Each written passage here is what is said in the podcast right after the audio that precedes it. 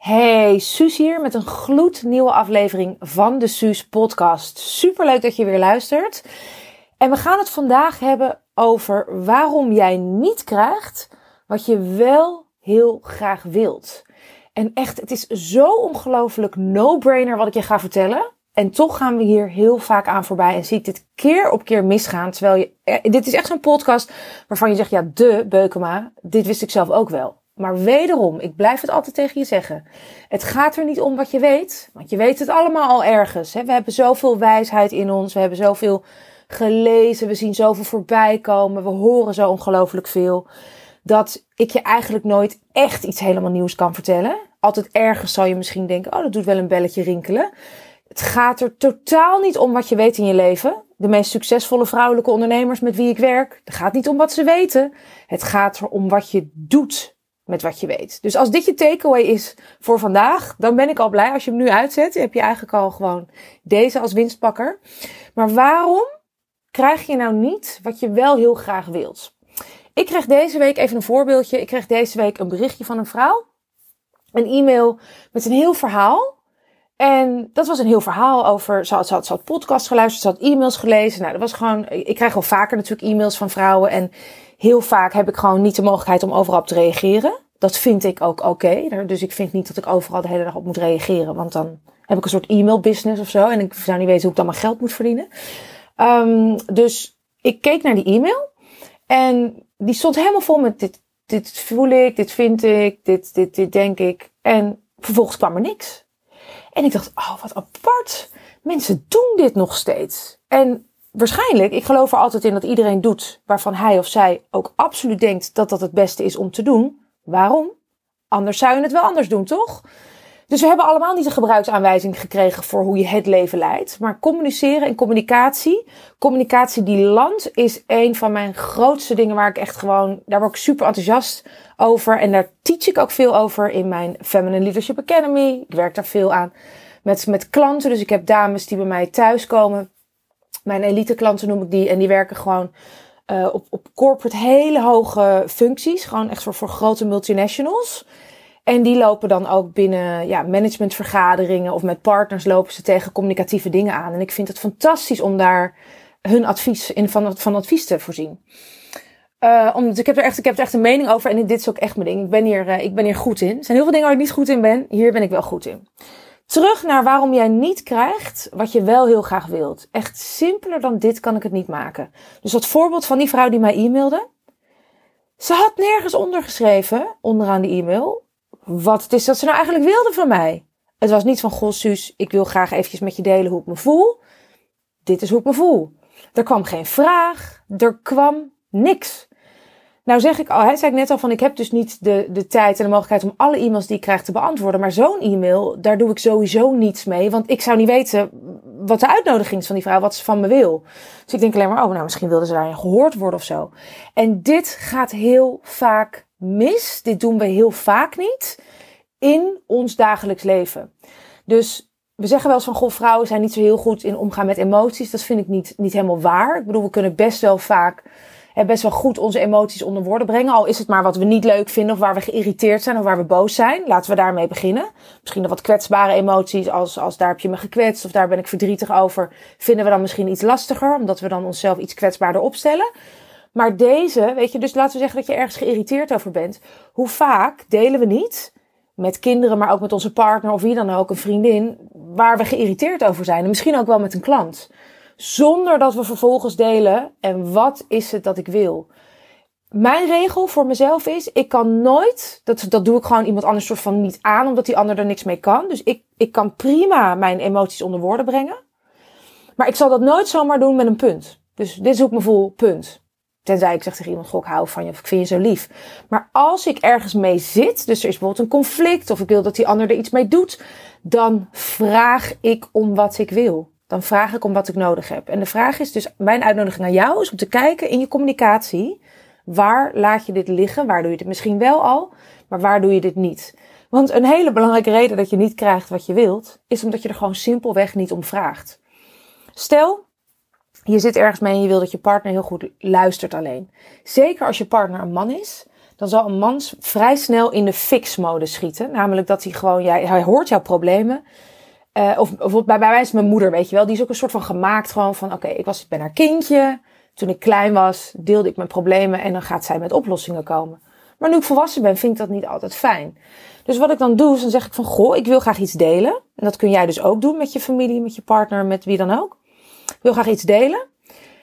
En wat ik heel fijn zou vinden, is als je gewoon even naar me luistert. Of je zegt, ik wil graag iets delen en ik zou heel graag jouw advies willen. Als ik klaar ben met delen. Of terwijl ik aan delen ben. Als je iets wil roepen, roep maar. Dat, de ene keer kun je behoefte hebben aan A en de andere keer aan B. Maar vraag om wat jij nodig hebt. En het zal voor die ander heel fijn zijn ook, omdat hij een soort van hele concrete opdracht heeft. Nogmaals, zeker als je, als je partner, als diegene een man is, dan zal die het fijn vinden dat je zegt van oké schat, ik vind het fijn als je niet gelijk even een soort van allemaal adviezen over me heen eh, kotst. Of dat je me bombardeert met al je goed bedoelde adviezen. Maar ik zou het zo fijn vinden als je gewoon eventjes alleen maar naar me luistert. En als je zegt dat je me gehoord hebt, zegt die partner waarschijnlijk oké, top schat, ik ben er voor je. En dan deel je dus. Heel, je deel, hebt dan gedeeld, ga je delen wat je, hoe je voelt, maar je deelt dus ook wat je vervolgens wil. Nou, als ik een conflict heb met iemand, dan deel ik dus hoe ik me voel. En dan zal ik altijd eindigen met. En wat ik wil, of wat ik, waar ik behoefte aan heb, of hoe ik het graag volgende keer wil, is A, B, C. Dus ik deel eerst hoe ik me voel. Dat stap 1. Dan deel ik vervolgens. Oké, en dit is wat ik wil. Daar heb ik dus al over nagedacht ook. Voordat ik met iemand in gesprek ga. Zodat diegene niet denkt van ja, en wat moet ik met al die gevoelens en wat, wat wil je nu van mij? Dus stap 2 is, dit is wat ik wil. En dan stap 3 die ik aan toevoeg om de verbinding te houden is dat ik even meestal een vraag stel. En dan zeg ik, en kan dat? Of is dat mogelijk? Of ik ben benieuwd hoe jij dat ziet. Zou je iets willen delen over wat het met jou doet als ik nu dit zo bij je neerleg? Dus dat is, eh, weet je, het zat een hele goede vraag. Als je ook met klanten in conflict bent, er loopt iets niet lekkers, dat je zegt, nou, dit is hoe ik het zie.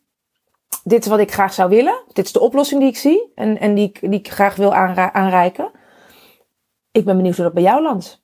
Vertel, weet je. Dus dat je vervolgens wel een, weer een verbindende tekst hebt naar die klant. Of ik ben benieuwd hoe jij dat ziet. Zou je daar iets over willen delen?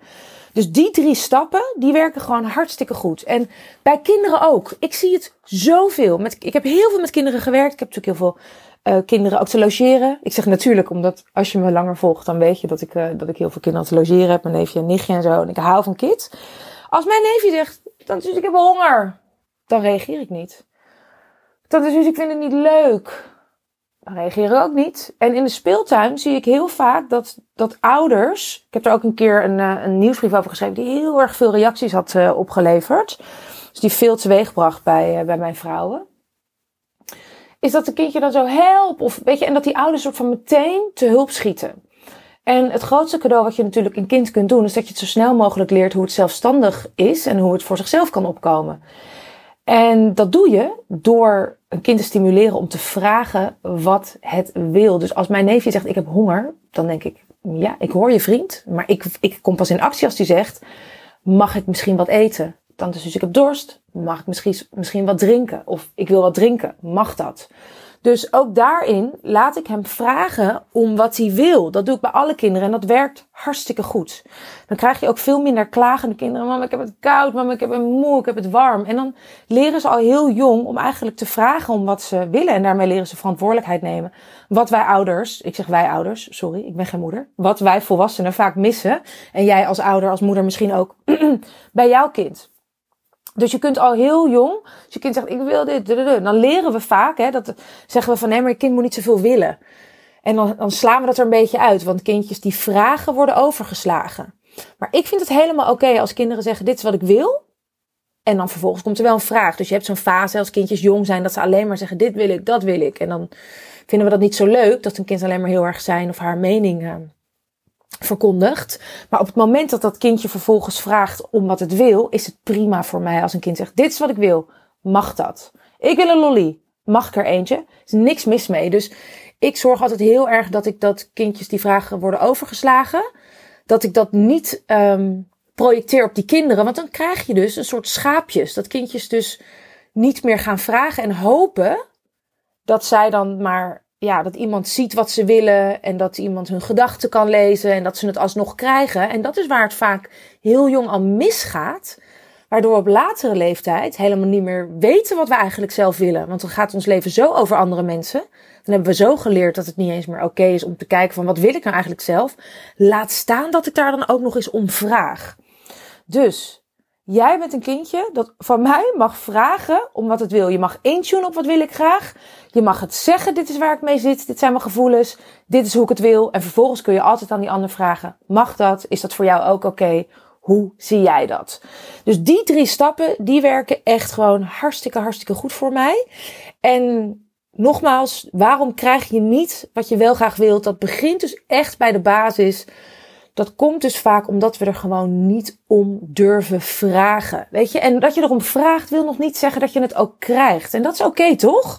Ik bedoel, mijn neefje en nichtje kunnen honderd keer een lolly vragen. En 99 keer krijgen ze hem niet. En die ene keer krijgen ze hem wel. Maar ze mogen het van mij wel gewoon af en toe vragen. En dat geldt ook voor jou. Jij mag vragen om wat je wilt. En de vrouwen, de mannen die vragen om wat ze willen, ook zakelijk. de mensen die, die, de vrouwen die met mij willen werken en die zeggen van, goh Suus, dit is wat je aanbiedt. Ik merk dat ik eigenlijk behoefte heb aan iets anders, maar dat bied jij niet zo aan. Is dat mogelijk? Die krijgen eerder wat ze willen dan iemand die dat nooit bij me neerlegt, omdat hij denkt, oh nou laat maar, het, het staat niet op de website, dus ze zal het wel niet doen.